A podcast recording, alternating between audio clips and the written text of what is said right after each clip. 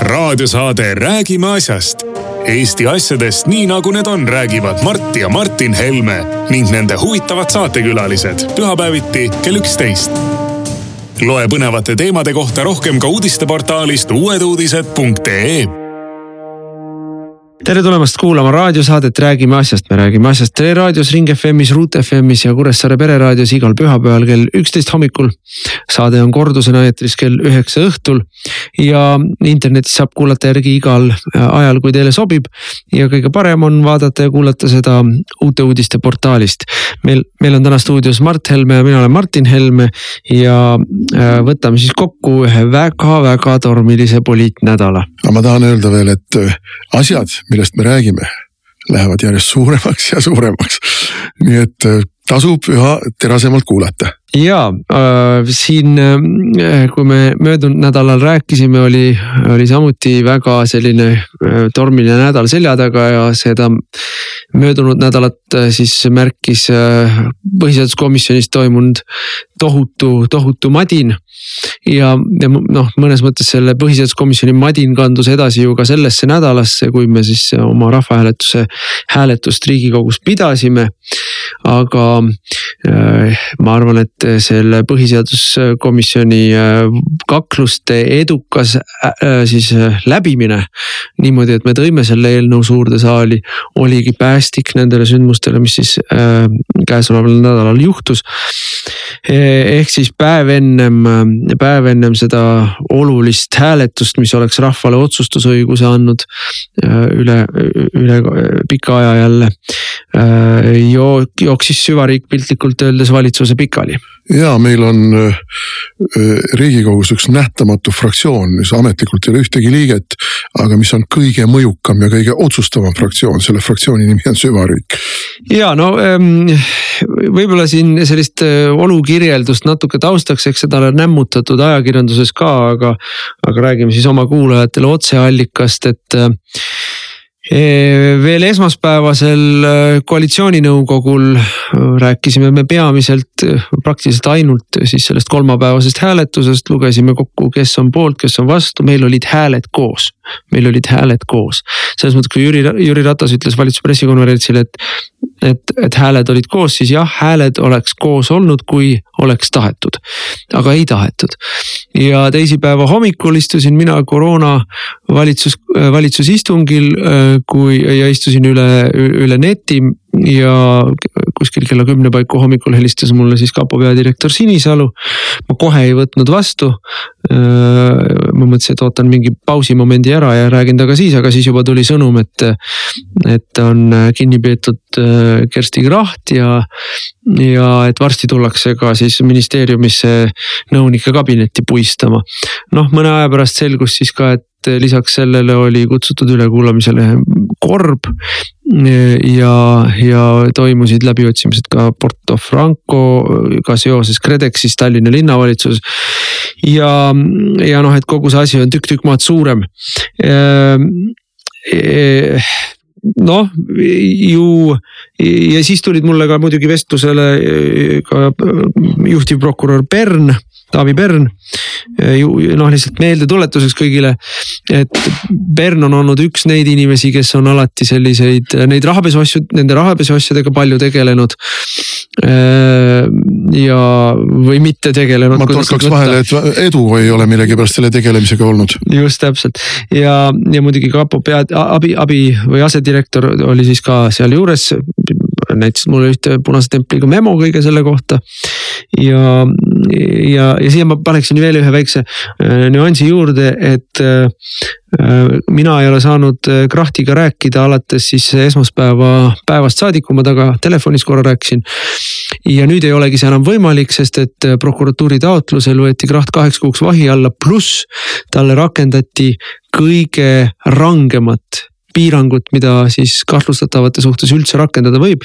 see on siis äh, keeld suhelda ükskõik kellega peale oma advokaadi.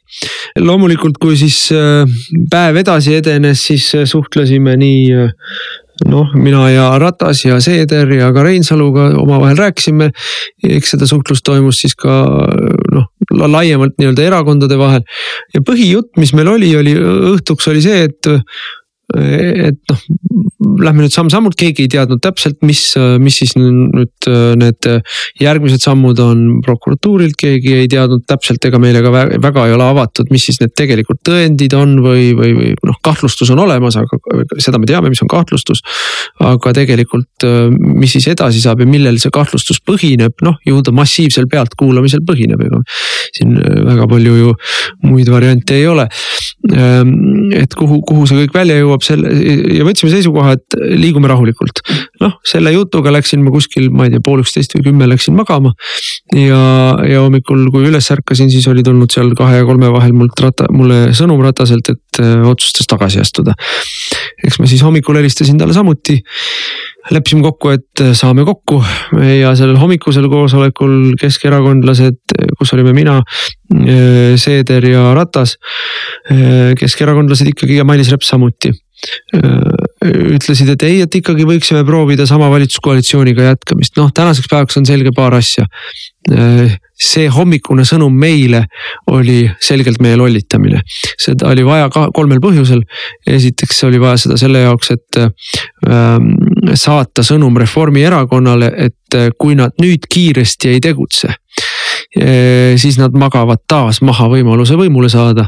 et tuleb kiiresti joosta Keskerakonna suunas.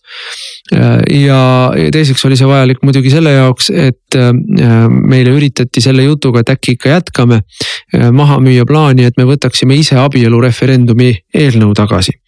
ja me peaaegu oleks teinud. me oleks peaaegu isegi seda teinud selle jutuga, et okei okay,, et vaatame, kuni olukord rahuneb. siia juurde anti veel üks lubadus, et kui tagasi võtame, sest praegu on segane olukord, ei tea, kas hääled tulevad kokku, siis algatame mehe ja naise vahelise abielu kui ainsa abielu vormi äh, sissekirjutamise põhiseadusesse.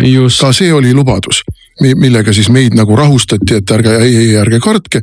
peale selle oli juttu, kui ma õigesti olen aru saanud, mind ei olnud sellel koosolekul, äh, ka võimalikust äh, valitsusremondist ja koalitsioonilepingu ülevaatamisest. Just, no ütleme, need, need ei olnud veel kokkulepped, aga ütleme siis selle, nende erinevate võimalustega läksime laiali, et räägime neid jutte nüüd siis oma fraktsioonides, et missugused on hoiakud fraktsioonides, seal on ka värsked uudised, vähe infot, et lähme nüüd siis fraktsioonidesse, noh fraktsioonides olime paar tundi. tulime tagasi ja noh, meie fraktsioon ütles, et loomulikult, kui koalitsioonis on võimalik jätkata ja, ja valitsusremont meile sobiks ja ka mingite koalitsioonipunktide ülevaatamisega me oleme nõus. Et võiks jätkata, aga noh, siis juba Keskerakond ütles üsna üheselt, et nemad enam ei taha. üks põhjus veel, miks nad hommikul andsid seda väga selget signaali, et võiks jätkata, oli see, et nad üritasid meid hoida nii kaua kui võimalik ennast kritiseerimast. noh, ikkagi me jõuame kohe selleni ka, et, ikkagi erakond, mis on kaelani kokku määritud äh, korruptsiooniskandaaliga. ja, ja Keskerakond. jah, Keskerakond jah, ja nad äh, ikkagi noh, väga osavalt manipuleerisid meid, et me ei, ei, ei hakkaks sel teemal mingeid poose võtma, et ikkagi äkki saame jätkata ja. ja noh, tõsi ta on, et ega kui sa oled koalitsioonis koalitsioonikaaslasega, siis sa noh, nii palju kui võimalik, püüad teravusi vältida. Ja noh, no ma tuletan veel kord meelde, et õhtu, õhtu, eelmisel õhtul oli meie jutt see, et, et istume rahulikult maha, arutame läbi, mõtleme, mida üldse saab edasi teha, kuidas üldse saab edasi minna. nii et, aga noh, meil oli selge sellest hetkest alates, et tegelikult on Keskerakond ja Reformierakond oma läbirääkimisi juba alustanud ilmselt need läbirääkimised või vähemalt mingisugune üksteisega, üksteise mõistmise otsimine käis juba mõnda aega ja see põhijoonis uue valitsuse tegemiseks oli ka juba valmis, et Jüri Ratas ei astunud tagasi öö, niimoodi, et ta, et nad ei oleks teadnud, missugune on see järgmine samm edasi. No ütleks niimoodi veel, et tegelikult kogu tants käis ümber abielureferendumi. Ja ilmselt Ratas lootis kuni viimase hetkeni, et äh, ei ole võimalik seda suures saalis äh, ära hääletada, et see jookseb umbe põhiseaduskomisjonis, nii nagu me rääkisime möödunud saates. aga ta ei jooksnud põhiseaduskomisjonis umbe, et au ja kiitus Anti Poolametsale, kes vankumatu tinasõdurina kõik rünnakud tagasi tõrjus ja omalt poolt pareeris jõuliselt ja, ja osavalt. nii et see viimane lootus, mis olid, oli keskerakondlastel eelkõige, et seda lõpuks ei tule saali hääletamisele, see kukkus ära. ja vot siin me jõuamegi nüüd selle huvitava momendini, kuna oli selge, et oli selge nädalavahetusel, et abielureferendum läheb kolmapäeval suurde saali hääletamisele ja Keskerakonnal on väga raske vingerdada ja öelda, et me ei saa seda ühte otsustavat häält teile taha. sest me olime ju ükshaaval kõik need inimesed läbi võtnud ja selgus, et noh, tegelikult neil peale Imre Sooääre ei ole kedagi, kes nii põhimõtteliselt vastaline oleks. ja, ja kuna ka Isamaa ei tahtnud lasta äh, tekkida pretsedenti, kus neil veel mõned hääled oleks uitama läinud, sest ka nemad lootsid, et koalitsioon jääb siiski püsima. siis oli selge, et meil see viiskümmend üks häält on olemas ja siin nädalavahetusel langetati ilmselt otsus süvariigi tasemel, aga ja siin on nüüd kuluaarivestlused. Need kuluaarivestlused on seotud äh, president Kersti Kaljulaidi suusaretkega Šveitsi väidetavalt. mis, mis rikkus koroonareegleid. Äh, mis rikkus koroonareegleid, mis rikkus ka muid reegleid, sest ta ei teatanud sellest, et ta läheb äh, riigikogu esimeest Henn Põlluaasa, kes tema riigist lahkumise korral peaks presidenti asendama aga siin on veel, kuluaarides räägitakse ja on äh, tuvastatud lausa, et Šveitsis oli ka Kaja Kallas, kellel on näole päevitanud suusaprillid ja me teame, et äh, see on ka uutes uudistes muide äh, dokumendina ilmunud, et kategoorilise nõudmise teha ükskõik mida et abielureferendumit ei toimuks, esitas ka nii Reformierakonna kui Keskerakonna peremees Euroopa Parlamendis ehk ALDE fraktsioon. no nüüd ta on Renew Europe no,, aga noh, sama no,, sama asi. nimi, nimi ei riku meest või vastupidi, rikub meest või naist. no ei, ta on sooneutraalne. jah, sooneutraalne just et ja kui me nüüd need, need pusletükid kokku paneme, siis me saame ju mustvalgelt joonistub see skeem välja. peremehed vilistasid Kersti Kaljulaidi Šveitsi. Šveitsi lendas ka see, kes pidi siis olukorra päästjaks olema. ja Ratasele öeldi, võta heaks või pane pahaks. ükskõik, mida sa teed, aga praegu see valitsus peab lagunema. ja kuna Ratasel ei olnud mänguruumi, siis lükati masinale käik sisse ja süvariigi tank sõitis kõigest üle. no Äh, noh, Kersti Kaljulaidi rolli tegelikult sellest peaks siin natuke isegi äh, pikemalt peatuma, et Kersti Kaljulaid ju äh, noh, suutis sel nädalal taas Eesti põhiseaduslikule korrale torpeedo panna. kui, kui ta, kui ta võttis mingisuguse initsiatiivi, hakkas erakonna juhte kutsuma Kadriorgu, tegi mingisugused seadusandlikud algatused omalt poolt, milleks tal põhiseaduslikult mingit õigust ei ole ega võimalustki ei ole. ja, ja nõudis äh, noh, äh, mitte, mitte küll otsesõnu, aga pakkus välja skeemi, mille kaudu saaks riigikogu erakorralisi valimisi korraldada. et äh, ma kirjutasin sellest ka Facebookis, et, et Kersti Kaljulaid käib ühe korra Putiniga kohtumisel ja kohe jäävad kombed külge. nii noh meil Eestis ei ole niimoodi, et president saab erakorralisi valimisi esile kutsuda, ise seaduseid algatada, võib äh, parteijuhte kutsuda nii-öelda kohvile. ei ole, president on meil esindusfiguur, kellel on väga vähe võimu Eestis. ja, ja, ja, ja noh, tuletame ka meelde, Kersti Kaljulaidil ei ole ka mitte mingit mandaati. ta ei ole kunagi ühelgi valimisel osalenud, ta ei ole kunagi ühtegi häält valimistel saanud. ta on äh, parlamendi poolt ametisse pandud äh, president, tal ei ole mingit volitust neid asju teha. parlament kõik... kinnitas ta ametisse, teda ei valitud isegi seal, parlament kinnitas ta selle ametisse, meie fraktsioon oli ainus.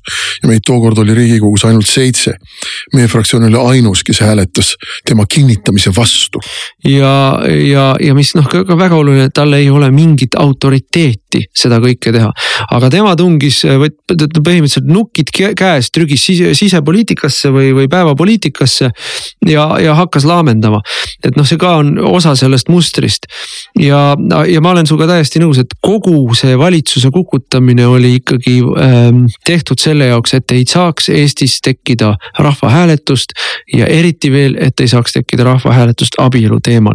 ja nüüd me jõuame selle rahvahääletuseni veel ka kolmapäeval ju üritati meie enda kätega äh, seda rahvahääletust siis saalist ära võtta, et ei peaks toimuma vähemalt suures saalis seda debatti ja hääletust. ja, ja me siiski sellega kaasa ei läinud ning me noh, läksime sellega saali. Anti Poolamets oli, oli puldis mitu tundi, pärast seda olid kõned mitu tundi. ja mida siis tulemus näitab? no tulemus näitab seda, et meie fraktsioon on ainus fraktsioon, kes täies koosseisus toetab nii rahvahääletust kui ka abielu, traditsioonilise abielu kaitset. Isamaast tuli, kui ma õigesti mäletan, seitse häält, mis tähendab seda, et umbes pool nende fraktsioonist. paar tükki jättis hääletamata, kolm tükki hääletas vastu. jätame need ka need nimed meelde, Üllar Saaremäe, Viktoria Ladõnskaja, Siim Kiisler ja Lotman ja äh, Raivo Edam ei hääletanud ehk siis ähm, see, see on, see on nukker pilt, noh muidugi loomulikult sotsitrehvid hääletasid mürinal vastu ja Imre Sooäär. ja äh, Keskerakond lihtsalt hiilis saalist minema. no ja, ja siin tuleb öelda, et, et hääletamata jätmine seekord on ei hääl, sest et see on otsuse eelnõu ja otsuse eelnõu vajab poolthäälte enamust. ja kui, ja kui Keskerakonna fraktsioon oleks äh, oma poolthääled andnud, siis see oleks läbi läinud, aga, aga Keskerakond lasi selle põhja oma mittehääletamisega valetamisega. ja mis veelgi grotesksem, mis veelgi vastikum jälgim, juba järgmisel päeval ehk neljapäeval andsid üheksateist riigikogu saadikut, kelle hulgas umbes pooled olid keskerakondlased, äh, sisse siis äh, seaduseelnõu, mis äh, võrdsustab kooseluseaduse lepingud ehk siis kooselulepingud abieluga. ehk siis ongi homoabielu eelnõu meil ja, ja ennem veel, kui see tänane valitsus laiali läks, juba Keskerakond hüppas sellele rongile peale poolest saadik, nii et noh. Nad võivad öelda, mis tahavad selle kohta, kui ebaoluline kogu see teema oli, kui see on nii ebaoluline teema oli, siis miks nad tegid üheksa ja pool tuhat parandusettepanekut, kui see nii ebaoluline teema on. miks siis aeti pigem lõhki valitsus, kui et oleks lastud rahval hääletada.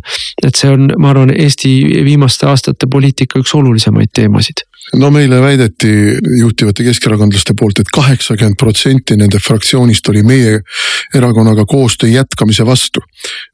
see on ilmselge vale. no fraktsiooni liikmed seda ei kinnita. jah, see on ilmselge vale ja mm, on tulnud seinaääri mööda hiilides meie juurde arvestatav osa Keskerakonna fraktsiooni liikmetest, kes on öelnud, et meile ei jäetud valikut. ma ei tea, mis see tähendab, meile ei jäetud valikut. Noh, ilmselt astuti väga valusalt varvaste peale ja, ja ähvardati ja pressiti välja, aga noh, signaalid ikkagi räägivad sellest, et Keskerakonnas on üsna suur rahulolematus sellise käitumise suhtes. no ma ütleksin niimoodi, et äh, mul ei ole ka noh, ma, see on üheselt selge, Keskerakond tõmbas meilt vaiba alt ära või lõi noa selga või kuidas iganes me seda väljendame, see on üheselt selge. aga teisest küljest, kui ma vaatan seda situatsiooni, siis mulle on ka see selge, et see korruptsiooniskandaal pidi kukutama opositsiooni meid koos Keskerakonnaga ja pidi tulema valgete jõudude valitsus, Isamaa, sotsid ja Ref. ja kuidagi äh, neil mingid asjad seal ei töötanud. ja ma pean ütlema, et Keskerakond sellises olukorras on suhteliselt oskuslikult, poliittehnoloogiliselt oskuslikult manööverdanud. see, et Ratas astus tagasi, ma arvan, äh, ennetas teatud noh, ütleme kiirendas teatud protsesse. Äh, see, et nad mängisid mõttega, et vana koalitsioon jätkab pani sundkäiku Reformierakonda ja nüüd on juba mindud nii kaugele, et enam tagasi pöörata ei saa, nad teevad kahekesi selle valitsuse ära. aga põhimõtteliselt ka, kui ma vaatan meedia reaktsiooni, meedia, mis on meil ju teatavasti ka süvariigi pikendus suures osas. Äh, kui ma vaatan meedia reaktsioone, siis seda tänast äh, äh, kahe suure erakonna läbirääkimist ei tervitata juubeldustega, ei tervitata juubeldustega, pigem vastupidi. küsitakse, et mis siis nüüd toimub ja mina küsin täpselt samamoodi, et kuidas on niimoodi, et üks erakond saab kriminaalsüüdistuse või vabandust, kahtlustuse alles, praegu ei ole süüdistust keegi saanud. aga noh, seesama erakond on ju süüdi mõistetud ja on katseajal praegu. ja selle erakonna peasekretär on kahtlustatav, selle erakonna pealäbirääkija astus ma ei tea, vähem kui paar kuud tagasi, tagasi äh, ametist tagasi äh,. noh, ka põhimõtteliselt ju korruptiivsete, korruptiivsete tegude pärast ja, ja see, see erakond on ainus kes, keda siis ei karistata, et meie ja Isamaa oleme need, keda karistatakse siis opositsiooni saatmisega, aga tema jätkab valitsuses. et see on, see on, see on noh, no parimal juhul saab öelda, et see on irooniline, tegelikult on see groteskne. ja, ja, ja noh, muidugi see ähm, äh, siin rahvasuu on juba nimetanud seda Porto Rollo valitsuseks, et noh, kaks, kaks noh, ülimalt maiste huvidega, ülimalt pragmaatilist põhimõttelagedat erakonda, kellel on pikad read, mõlemal pikad read korruptsioonilugusid selja taga on nüüd üksteise embusesse jõudnud lõpuks. ja, aga ma juhiks tähelepanu sellele, eks me vaatame, mis järgmisel nädalal nüüd toimuma hakkab. kui hakkab ja kas hakkab, aga mõlemad äh, juhtivad Isamaa poliitikud äh, Helir-Valdor Seeder ja Urmas Rei-, Reinsalu mm, on juhtinud tähelepanu sellele, et uurimistoimingud ei ole veel jõudnud põhjani no läbiotsimised alles tehti ju. see, mis ikkagi Tallinnast leiti või Tallinnast leitakse ja see, keda veel küsitakse ja kahtlustatavate ring on peaprokuröri sõnul võimalik, et laieneb. ma näen siin varjatud ähvardust Keskerakonna suunas no kahtlemata peaprokurör on ju. isegi mitte nii väga varjatud. jah, see on üsna ühene jah, ja, ja noh, ma, ma näen siin tegelikult ikkagi hurjutust Reformierakonna suunas ka. Ja, ja noh, see on, äh, mina ütleksin niimoodi, et ma üldiselt olen seda meelt, et äh, see Keskerakonna, Reformierakonna valitsus tuleb. Ja ma olen täiesti, äh, mul ei ole mingit kahtlust sellest, et see saab olema üks mage ja, ja väga töövõimetu valitsus, kui ma vaatan neid pressikonverentse, mida peetakse, noh Need on, need on kaks erakonda, kellel nüüd mõlemal on uhkelt lipukiri all see, et partnereid vead-, veetakse alt ja, ja, ja, ja valetatakse silmagi pilgutamata üksteisele näkku. ja nad ei pane ju isegi mingit erilist programmilist ühisosa paberile. ma oletan sellepärast, et esiteks nad ei taha väga pikalt vaielda ja teiseks sellepärast, et mõlemad teavad, et lubadusi nagunii ei täideta vastastikku. nii nagu ei täidetud kokkuleppeid ja lubadusi meiega.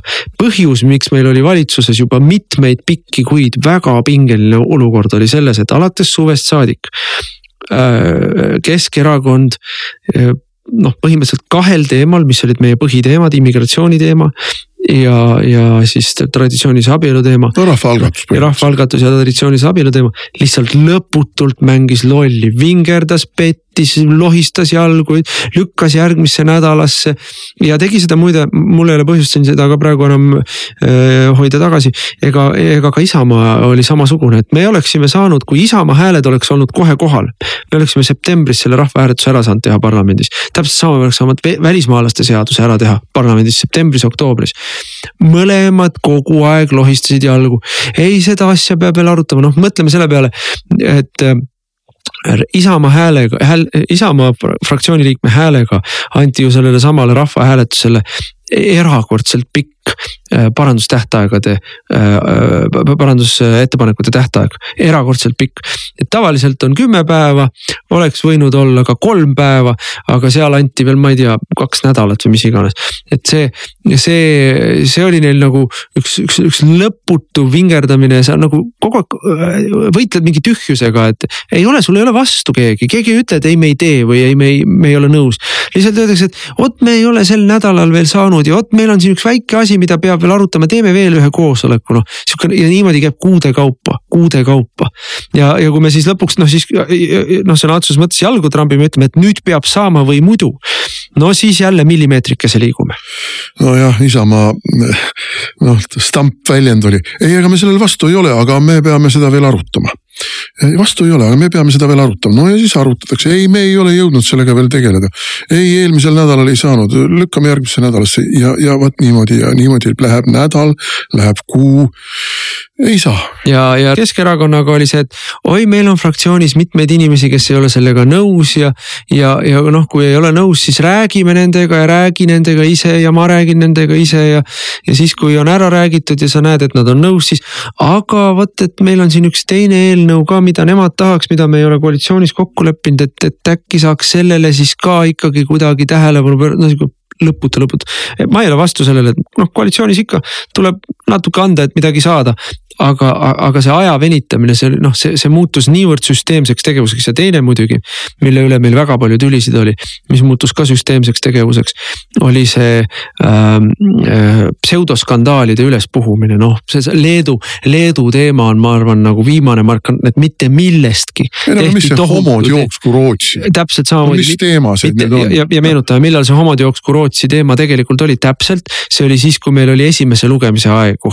Äh, sellesama rahvahääletuse esimese lugemise aegu, et, et kuskilt tekitati mingi tohutu mürgel, mille siis, ähm, mille siis valguses kõik noh, kõik muud tegevused peatusid, et, et lahendada mingisugust olematut kriisi. ja, ja noh, siis eriti keskerakondlased käisid ringi sellise näoga, et nüüd on, on kõik on, kõik on nii halvasti, me ei saa praegu midagi, meil on fraktsioonis jälle kõik inimesed on nii vähesed, me ei saa ühtegi asja praegu rääkida, sest kõigil on närvid nii läbi. praktiliselt kõikidel puhkudel, noh ma sada protsenti ei ütle, et kõikidel puhkudel eh, skandaal sai hoo sisse, kui Ratas tegi Facebookis mingisuguse oma postituse, kus ta meid hukka mõistis ja vot siis läks sealt lahti.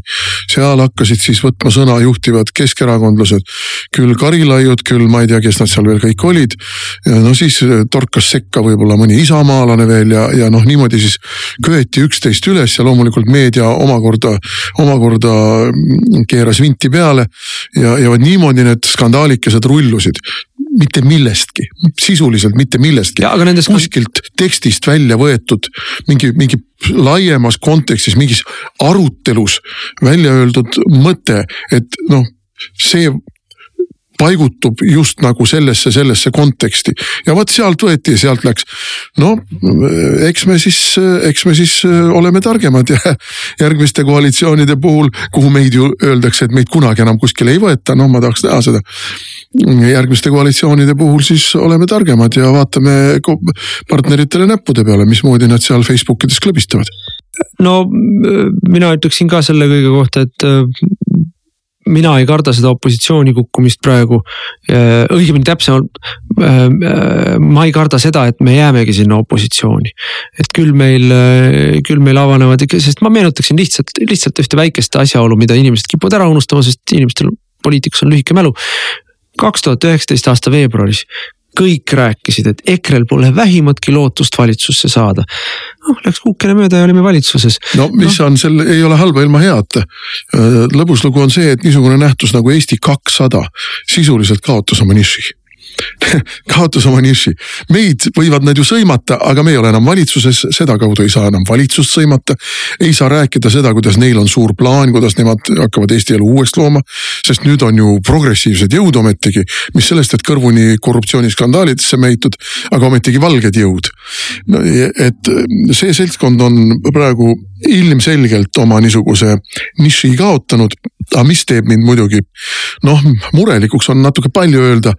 aga mille peal ma hoian küll teraselt silma, on see, et kui sünnib praegu Keskerakonna ja Reformierakonna valitsus, siis sisuliselt võivad nad arvestada lisaks oma mm, viiekümne üheksale häälele riigikogus kümmet sotsiaaldemokraatide häält ja ühte endise Keskerakonna liikme Raimond Kaljulaidi häält ehk kokku üht-teist häält, mis tähendab, et neil on kokku seitsekümmend häält.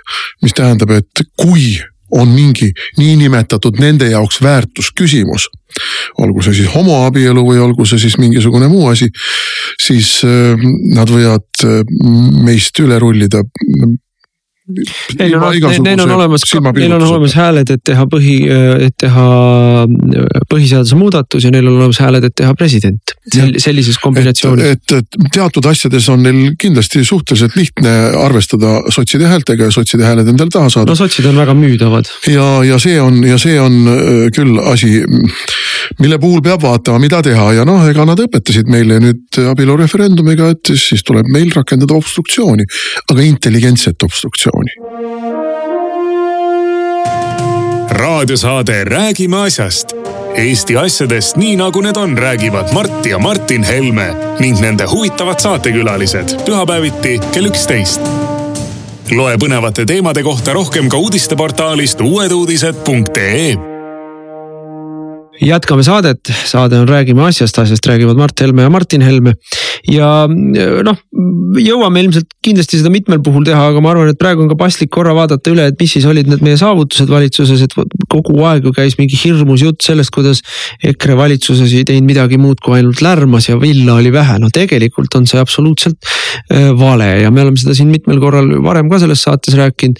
et äh, me olime oma peaaegu kaheaastase valitsusperioodiga väga-väga töökad ja tõhusad. ja äh, selle töökuse ja tõhususe ja efektiivsuse üheks tunnistuseks on ka see, mida järgmine valitsus teha kavatseb, kavatseb liugu lasta meie töö tehtu seljas. aga no ma võtsin kokku siin, rääkisin ka valitsuse pressikonverentsil, mis ma oma valdkonnas tegin, et esiteks ma juhiks tähelepanu, et tegemist oli. kuigi noh, palju räägitakse, et meil oli maksurahu valitsus, et maksurahu tehti, no see maksurahu tähendab seda, et makse ei tõstetud. aga meil oli esimene valitsus Eestis ütleme tegelikult umbes kahekümne aasta jooksul, kes makse langetas. et viimane tõsisem maksulangetus oli, oli ju siin sajandivahetusel ja, ja me langetasime paljusid makse, kaks kuud peale võimule tulekut langetasime esimest maksu, see aktsiis äh,, alkoholiaktsiis, kusjuures sellel oligi see tulemus, mis oli vaja. piirikaubandus on praktiliselt ära kadunud, jah, siin aitas koroona ka natukene no,. soomlased hakkasid tagasi tulema, aga siis lõi koroona vahele jah äh,. siis aasta hiljem ehk sellel äh, kahekümne, kahekümnenda aasta kevadel langetasime järgmisi makse, diislit, elektrit, gaasi. Muide, meie valimislubadused kõik, tegimegi ära oma valimislubadused. tuleb öelda, et, et nii äh, Keskerakond kui Isamaa olid ju risti ja põigiti, hambad ristis. mõne, kõikidele nendele maksulangetustele vastu, kõikidele vastu, see oli noh jälle, aga noh, kuna, kuna siis oli koalitsioon noor ja keegi ei tahtnud äh, lõhki veel ajada. Äh, noh pigistasid nina kinni ja nõustusid. ja, jah, jah, et ikka hirmsasti tuli võidelda nende maksualanduste eest. Eh, nii eh, poliitilisel tasandil kui loomulikult ametkondlikul tasandil, kes, kes eh, ei tahtnud kuidagi uskuda, et, et, et see ei tekita tohutut eelarveauku.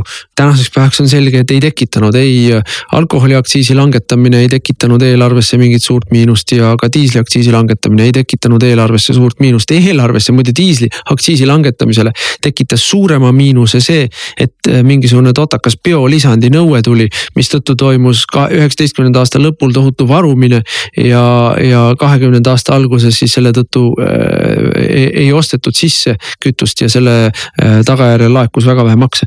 aga äh, tegime veel maksulangetusi, me siin tegime metsameestele ja väikepõllumeestele tegime maksusoodustused tulumaksus.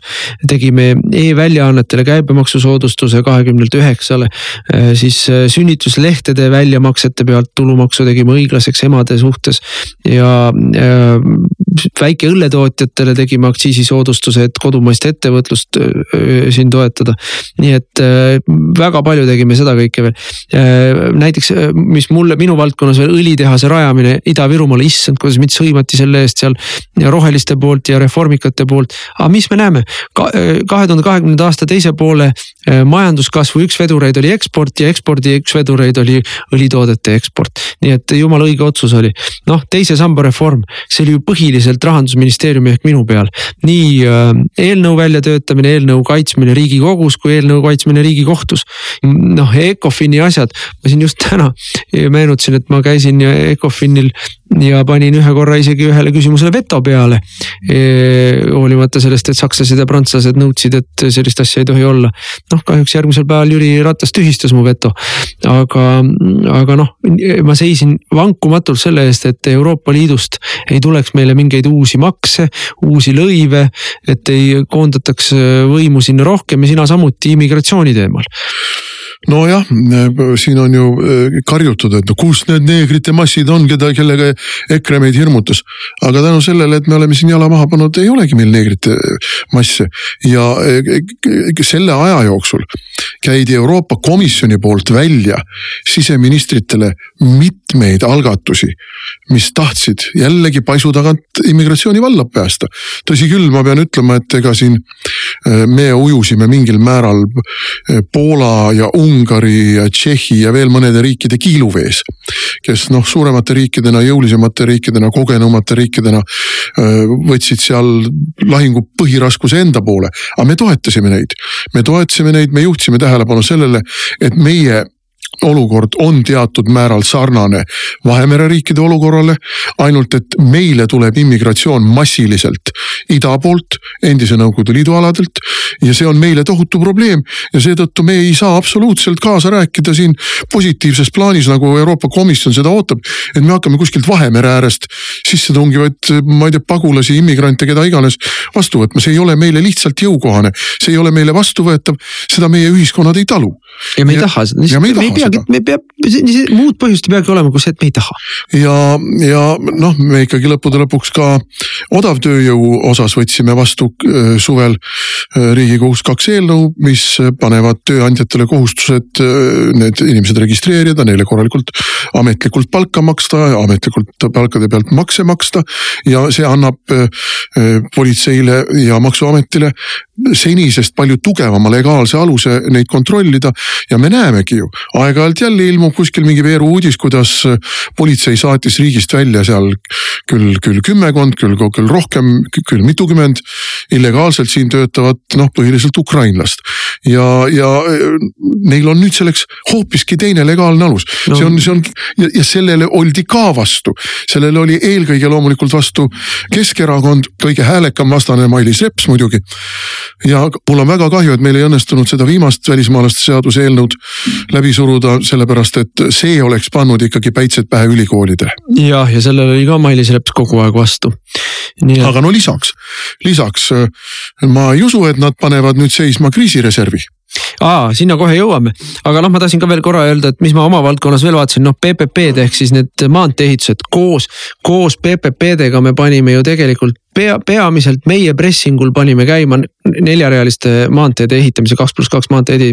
ja mis meile eile teatatakse uue koalitsiooni läbirääkimistelt, et me hakkame kaks pluss kaks teid välja ehitama. ja, et, et mind muidugi huvitab selle juures see, et kui nad samal ajal räägivad kokkuhoiust ja kärpimistest. Eh, noh, me teame, et ega seda raha sinna ei ole nii lihtne peale. aga vaata ei räägi enam, enam ei ja, räägi, eile tuli välja, et, et ei, et äh, kriisi ajal on vaja investeerida ja loomulikult me praegu äh, eelarve eelarvet siin ühe aastaga tasakaalu ei saa, see tähendab laenata tuleb, aga ainult investeeringute peale. ühesõnaga täpselt see, mida me tegime, täpselt see, mida me tegime, nad jätkavad seda. ainult mingil põhjusel, siis kui meie seda tegime, siis huilati, kuidas me ajame oma tulevased põlvkonnad vaesusesse ja pankrotti. aga nüüd on see mingil moel kuidagi muutunud üleöö vastutusrikkaks rahanduspoliitikaks. mind vot, mind kui mind miski, mingi miski vihastab kogu selle asja juures on see, et et see, mida meie tegime ja mille eest meid sõimati, on nüüd üleöö, nad jätkavad seda, nad lasevad liugu selle peale, nad võtavad need loorberid endale.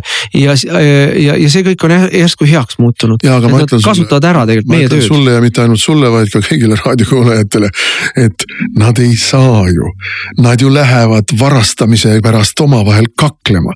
maanteede ehitus, seal on nii suured rahad, seal on nii palju võimalusi kantida ja varastada, nad lähevad selle pärast omavahel kisklema nojah, muidugi ma vaatasin ka seda, et noh, rahapesu teemal tohutu, tohutu töö tegime ära, rahapesu äh, karistusi karmistasime, rahapesu järelevalvet karistasime, tugevdasime nii rahapesu andmebürood kui finantsinspektsiooni. palju rohkem inimesi võetakse tööle, palkasid suurendasime, tehnilisi võimekusi suurendasime. Äh, rahatrahve suurendasime ja, ja tegime selle lepingu, millega, äh, mis on liikunud väga jõuliselt edasi.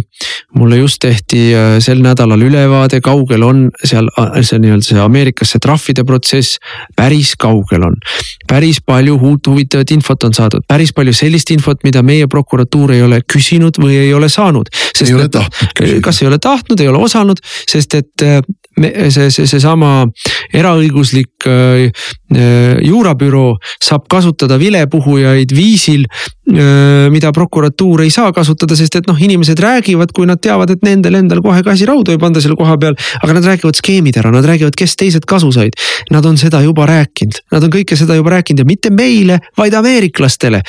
Ja nüüd esimene asi, mida Kaja Kallas ütleb, no selle lepingu lõpetame ära, no selle lepingu lõpetame ära, nii et äh, noh äh, ma arvan, et see on väga-väga halb rahapesu ütleme siis selguse saamise seisukohalt, kui nad selle ära lõpetavad, aga ma arvan ka seda, et tänaseks päevaks on juba nii palju infot jõutud koguda, et ühel hetkel noh, kuskilt välismaalt kas nad ei arva, et hea küll, lõpetavad ära, aga ega siis see materjal on olemas ja noh, mina puhtalt kättemaksuks avalikustaks selle materjali ja ka kõik need nimed, kes on seotud Eestis, võib-olla seal on ka väga magusaid poliitikute nimesid.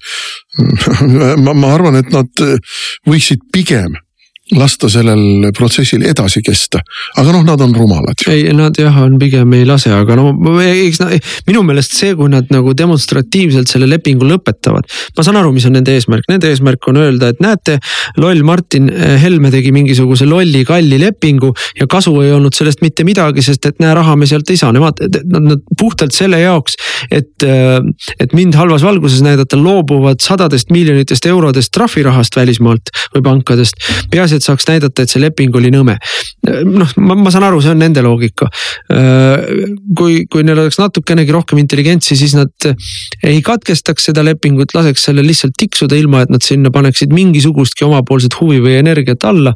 noh, sisuliselt raugeks see ise, aga keegi ei saaks vähemalt näpuga näidata, nende peale öeldakse, et nii kui võimule said, nii hakkasid rahapesu kinni mätsima. mida nad praegu selle sammuga teeksid. aga noh ise teavad, noh. ja, ja, ja noh, mis nad ütlesid sisejulgeoleku vallas, jätkame piiri väljaehitamist. jätkavad piirivalve tugevdamist. jah, nagu sa ütlesid, isegi sise, sisekaitse reservi osas, siin peab vaatama, spetsialistid peavad ütlema, spetsialistid on öelnud aastaid ja aastaid, et meil on seda sisekaitse reservi vaja, sest meil on, me oleme liiga nõrgad, me ei saa hakkama nii et kõik see, mida sina tegid siseministrina, mida mina tegin rahandusministrina, see, selle, selle seljal lasevad liugu. olles eda, ise seda kaks aastat lihtsalt jubedalt sõimanud. see on silmakirjalikkuse tipp. No ja... ma vaatasin muidugi eh, seda võimalike ministrite nimekirja. noh, seal on ju ridamisi mugavusministreid, kes lasevad ametnikel tööd teha ja ise on siis, on siis nii-öelda pildil ja, ja ametnike jutupunkte laulavad avalikkusele ette, et noh. Eesti riik kukub tagasi samasse stagnatsiooni, nagu ta oli, oli äh, Reformierakonna valitsemise ajal aastaid ja aastaid ja aastaid. ja selle stagnatsiooniga läheb rõõmsalt kaasa ka Keskerakond, sest nagu me kahe aasta jooksul nägime, nemad ei tahtnud ju mitte midagi muuta. Nemad oleks hea meelega algusest peale olnud stagnatsioonierakond. selle eelmise valitsuse, mille, mille Ratas oma tagasiastumisega kukutas, mootoriks oli meie erakond meie olime selle valitsuse mootoriks ja praktiliselt kõik, mida see valitsus tegi, tehti kas meie survel või meiepoolse administratiivse võimekusega. ülejäänu oli seal kõik üks, üks jutu veeretamine. no eh, Kaja Kallas ütles pressikonverentsil, et eh, Eesti on tagasi, noh, et, et see nii-öelda Põhjamaade ja, ja, ja läänelike väärtuste Eesti, noh. Eh, ma ütleks niimoodi, et see läänelike väärtuste puhul on väga küsitav, et kas selliste kaks, kaks korruptiivse minevikuga erakonda, üks on korruptiivse olevikuga ja teine on korruptiivse minevikuga erakond. ja noh, kus siin see põhjamaine poliitika on, kus siin see, kus siin see poliitiline kultuur on, kus siin see poliitiline kultuur on, kui me mõtleme selle viimase paari nädala peale, mida Reformierakond korraldas opositsioonis olles selle abielureferendumi teemal. see ei ole mingi läänelik või põh-, Põhjamaades ei juhtu parlamendis mitte kunagi mitte midagi sellist. see on Moldova või Ukraina või Serbia parlamendi tase, mida Reformierakond meile siin näitas. ja, ja noh, korruptsioonitase on noh, täpselt samasid riike võiks nimetada, noh nüüd ma solvasin kõiki meie liitlasi maailmas praegu jälle. aga aga ma ütleksin, et selle lause, selle, selles lauses on teatav, teatav selline mingisugune noh, muserdav, muserdav selline tempel on see, see Eesti, millest, mida, millele meie tahtsime uue kursi anda.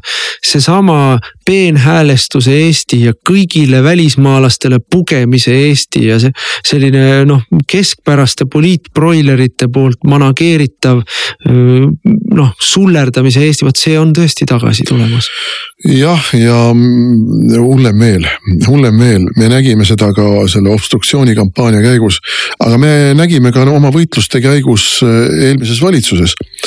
tegelikult on nüüd tagasi Eesti hävitamise Eesti.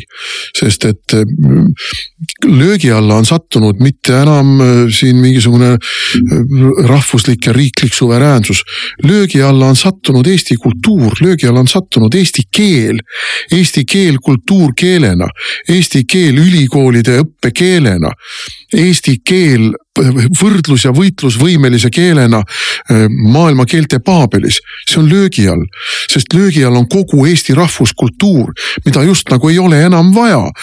mida Kaja Kallas ütles ju selgelt välja. selline apologeetika käib, et me peame oma rahvuslikkusest loobuma, et olla võrdväärsed nii-öelda euroopalike väärtuste kandjad. no me oleme täiesti vastupidisel seisukohal. ma tuletaks või noh, juhiks tähelepanu, et miks meie välismaalaste seaduse muudatus seisma jäi, see, et me vaidlesime, ma ei tea, kindlasti üle kuu aja vaidlesime selle üle, kas kõik välismaalased, kes Eestisse tulevad mm, ja kes eestikeelses õppes ei osale, peavad maksma või ei pea maksma. ehk siis, kas me maksame oma maksumaksja rahaga kinni võõrkeelse õppe õppe Eesti ülikoolides välismaalastele või mitte. see oli pikk-pikk vaidlus, kus Mailis Reps noh, põhimõtteliselt sõdis jälle küünte ja hammastega selle eest, et meie maksumaksja maksaks bongo-bongolastele kinni mingisuguse äh, välismaakeelse õppe Eesti ülikoolides. ja no me nägime nende vaidluste käigus ka seda niisugust madalat taset, kuidas meile lihtsalt silma pilgutamata valetati. noh, meil on õnneks äh, erakonnas inimesi, kes väga hästi teavad, äh, mis toimub äh, ülikoolides, osad nendest nendest on avalikkusele väga tuntud, osad on taustal, äh, on töötanud või töötavad ülikoolides. aga fraktsioonis on meil ka Jaak Valge, kes on pikaajalise akadeemilise karjääriga inimene ja kes, kes lükkasid ümber need valed, lihtsalt lükkasid ümber. ja, ja kui sa siis ütled, aga kulla sõber, et sa ju, see ei ole ju tõsi, sa ei. see ei ole nii noh. see ei ole nii, see on, see on hoopis teistmoodi, siis vaieldakse veel ei no siis lepitakse mingis asjas kokku, pannakse see isegi kirja, minnakse laiali, tullakse nädala pärast kokku. ja tuleb välja, et midagi selles kokkuleppes ikkagi ei klappinud ja see tuleb uuesti lahti võtta ja hakata edasi vaidlema. sellist nagu äh, ruineerimist ja frustreerimist oli hästi-hästi palju, aga noh, selle eesti keele osas ma ütleksin niimoodi, et saab nüüd näha. Äh, missugune saab olema Reformierakonna positsioon eestikeelse hariduse osas koostöös Keskerakonnaga. saab näha, nad sõitsid ju ikka jube, jube agressiivselt meile sisse selle üle, miks kohe homme hakkame tegema eestikeelset haridust. ja, ja noh, meie vastus sellele oli see, et kallid sõbrad, me ei tee kohe homme, sest et me teeme hoopis teistmoodi, me õpetame lasteaedades eesti keelt, me õpetame koolides eesti keelt, me õpetame ülikoolides eesti keele õpetajaid ja panime sinna reaalselt raha juurde, kui ma õigesti mäletan, mingi kaheksa miljonit järgmisel aastal. panime reaalselt raha juurde, päriselt seda nii-öelda siinsete mitte-eestlaste eestistamist ja eesti keele keeleruumi toomist tegime niimoodi. ja, ja noh, see on midagi, mida ükski teine valitsus varem ei ole teinud, niisuguses mahus vähemalt mitte. ja, ja, ja, ja kui me niimoodi teeme, ma ei tea, viis aastat, kümme aastat, siis see probleem iseenesest laheneb järjest, järjest äh, väiksemaks muutub see noh, nii-öelda vajadus kuidagi ametlikult ja kuupäevaliselt mingeid üleminekuid teha, sest see lihtsalt laheneb. aga noh, Reformierakond tahtis kangesti mingit kuupäeva teha ja mingisugust ametlikku, ma ei tea, lindi lõikamisega üleminekut teha noh, see esiteks ei ole vajalik, aga ma tahaks nüüd näha, mis nende lindi lõikamise plaanist no, saab. ma tahaks näha ka seda, kuidas nad tuututasid seal kogu aeg, eriti Kristen Michal käis ringi kogu aeg oma ühtse Venemaaga lepingut lehvitades. no palun, nüüd teil on siis, süüdistas meid, et me anname sellele legitiimsuse ja me oleme ka Putini agendid, kuna me oleme ka äh, praegu koalitsioonis siis selle erakonnaga, kellel on see leping, no palun äh, hakkate ka nüüd Putini agentideks, kuna te olete ka nüüd ühes koalitsioonis selle erakonnaga, kellel see leping on. aga neil ei ole sellest probleemi, sest nemad niikuinii tahavad Venemaaga liituda, nii nagu nad oma parandusettepanekutes kuhjade kaupa kirjutasid. aga men... mina mõtlesin, et me peaks natuke rääkima ka oma teistest ministritest ja ministeeriumitest.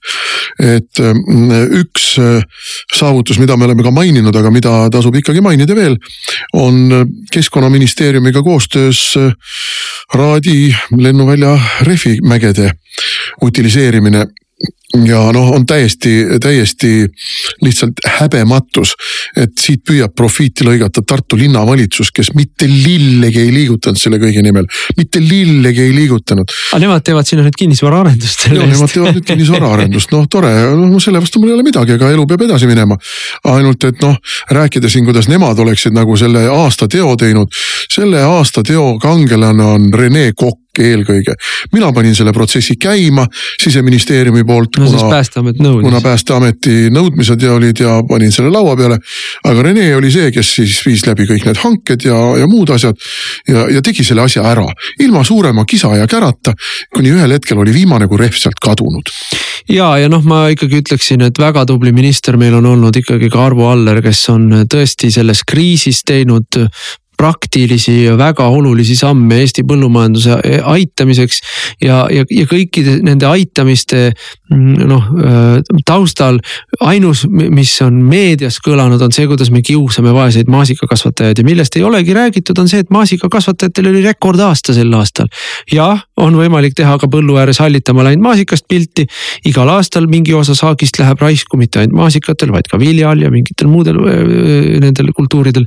aga põhimõtteliselt messi noh, nii mina kui ma ka seda toetasin, maaelu arendamise sihtasutus sai, sai kakssada miljonit eurot, millega sellel kõige kriitilisemal koroona ajal tagati see, et Eesti põllumajandusettevõtted said krediiti.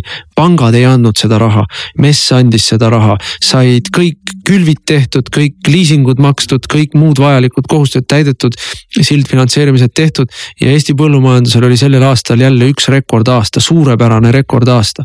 jah, koroonakriis on tekitanud sinna lisakriisi turgudega, seadu, ütleme sealiha müügiga ja piimaga ja mille kõigega turgudega ja sellele äh, lahenduseks panime me ju eelmise aasta lõpus kaksteist miljonit veel erakorralist toetust põllumajandusele, nii et me oleme põllumajandust toetanud rohkem kui, kui noh, reserv viimased, viimased kaks valitsust ehk Reformierakonna valitsus või ka meie, meile eelnev Keskerakonna valitsus üldse. ja, ja, ja sel ja, ja noh, sinna juurde veel mingid maksusoodustused, mida ma siin ka mõned mainisid, siin sinise diisli soodustused ja, ja, ja kõik mis asjad.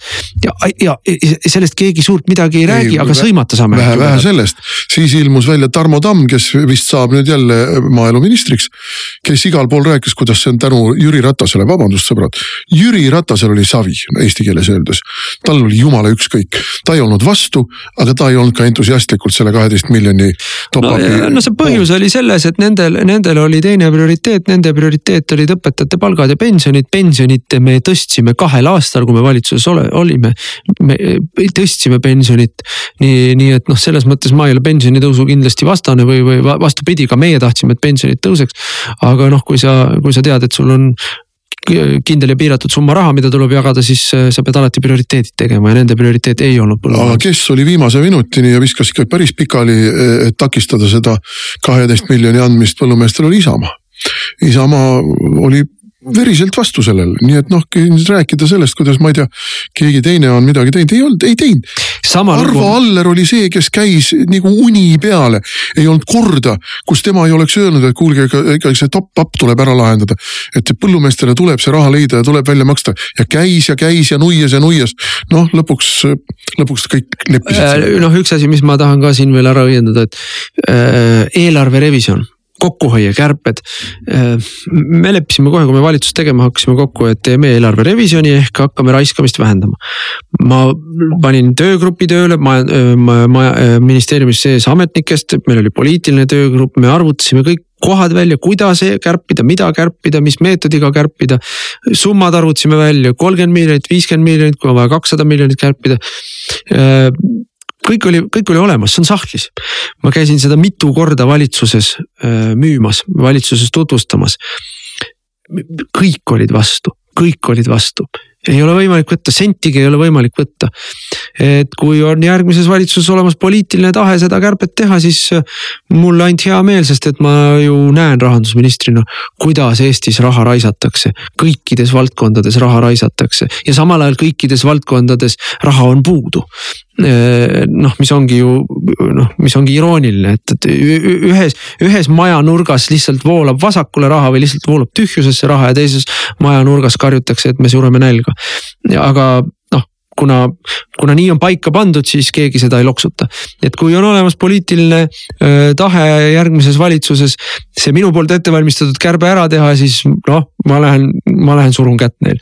no üks minister veel, kellest ma tahtsin rääkida, on väliskaubanduse IT-minister Raul Siem, ta on vähe pildil olnud ja kui on, siis on jälle meedia püüdnud teda negatiivselt näidata. tegelikult Raul töötas vaikselt ja tasa ja targu ka e-valimiste teemal. Ja e-valimiste teemal läks välja eelmisel nädalal hange Äh, auditi läbiviimiseks, et tuvastada kõik e-valimiste nõrgad kohad.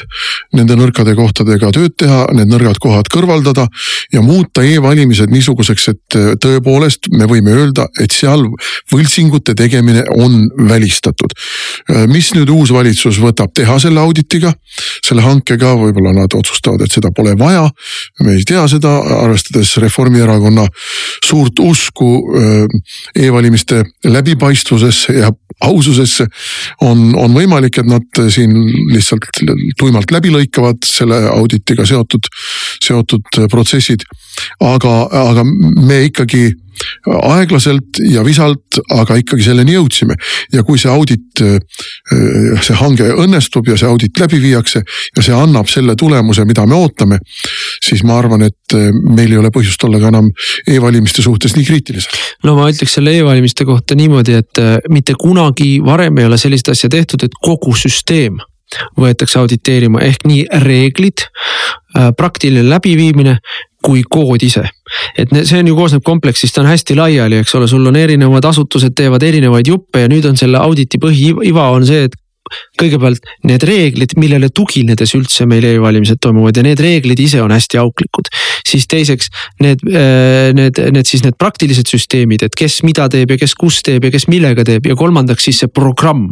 kõik need kolm asja peaksid seal auditis ette võetama ja ma äh, tahaksingi nagu äh, noh, siin saate lõpus kokkuvõttes öelda, et ma ei olnud üllatunud, et valitsus lagunes. Eestis valitsused kestavadki umbes, peavadki vastu umbes kaks aastat, noh selle kaks aastat me olime ära ja ma ütlesin, mäletad, võib-olla isegi kui me valit-, valitsust alustasime, ma ütlesin kõigile veel ministritele, et töötame plaaniga, et oma peamised asjad peame kahe aastaga saama ära tehtud. noh, kõiki ei saanud, aga päris palju saime ka ja, ja, ja meil seisid ees kolm-neli väga kriitilist teemat, kus oli näha, et meil on kõigis on väga suured umbsõlmed. üks oli see e-valimiste teema, sellega me jõudsime kriitilisse faasi, kui see audit oleks nüüd tuleks ja see audit meile kõik asjad ette näitaks, siis.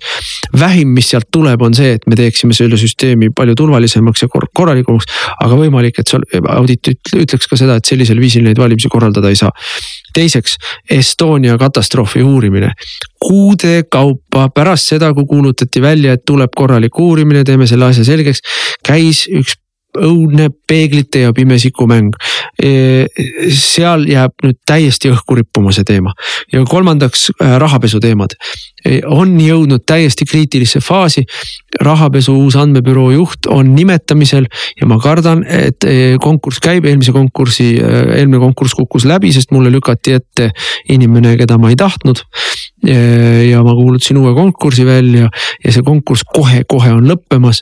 ja ma ei oska vastata, kas ma saan selle inimese sinna ära nimetada või mitte, kui ma ei saa seda inimest ära nimetada.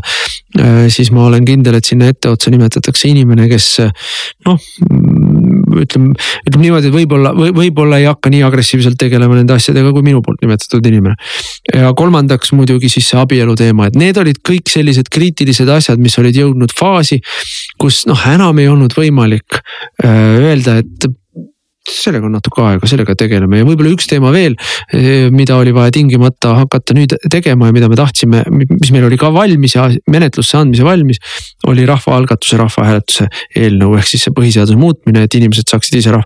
Need olid need kõik need suured asjad ja need olid kõik meie asjad ja nende meie asjadeni jõudsime, siis alati kuidagi olukord muutus selliseks, et praegu ei saa sellega tegeleda.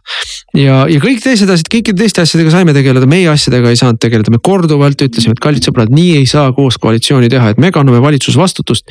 aga meie valimislubadusi, meie koalitsioonipunkte ei ole kuidagi võimalik täita, et nii ei saa lihtsalt no.. ja aga noh, lõpetuseks võime ikkagi öelda, et mis seal ikka me saime hindamatu kogemuse võrra rikkamaks. me äh, erakonnana ja inimestena teame, mis asi on olla minister ja mitte mugavusminister, vaid minister, kes on orienteeritud efektiivsele saavutustarikkale tegevusele. ja ma olen ja ma tahan meie, meie toetajaid ja meie ja meie liikmeid igal juhul julgustada, et Äh, see periood, mis meil nüüd ees seisab, kahtlemata tuleb suurte poliitiliste võitluste periood. aga äh, noh, mul erakonna esimehena on äh, nüüd palju rohkem aega ja palju rohkem energiat tegeleda erakonna tööga, tegeleda kohalikeks omavalitsuste valimisteks ettevalmistustööga, tegeleda järgmisteks riigikogu valimisteks ettevalmistustööga. tegeleda meie meedia ülesehitamise tööga. meil on nüüd nii, nii kogemust kui, kui oskust kui aega ja jõudu seda teha ja meie tuleme tagasi palju võimsamalt, kui me siiamaani oleme olnud. head alanud nädalat ja jätkame Eesti eest. Te kuulasite raadiosaadet Räägime asjast. saate eest tasus Eesti Konservatiivne Rahvaerakond. järelkuulamine internetis treeraadio.ee ja uueduudised.ee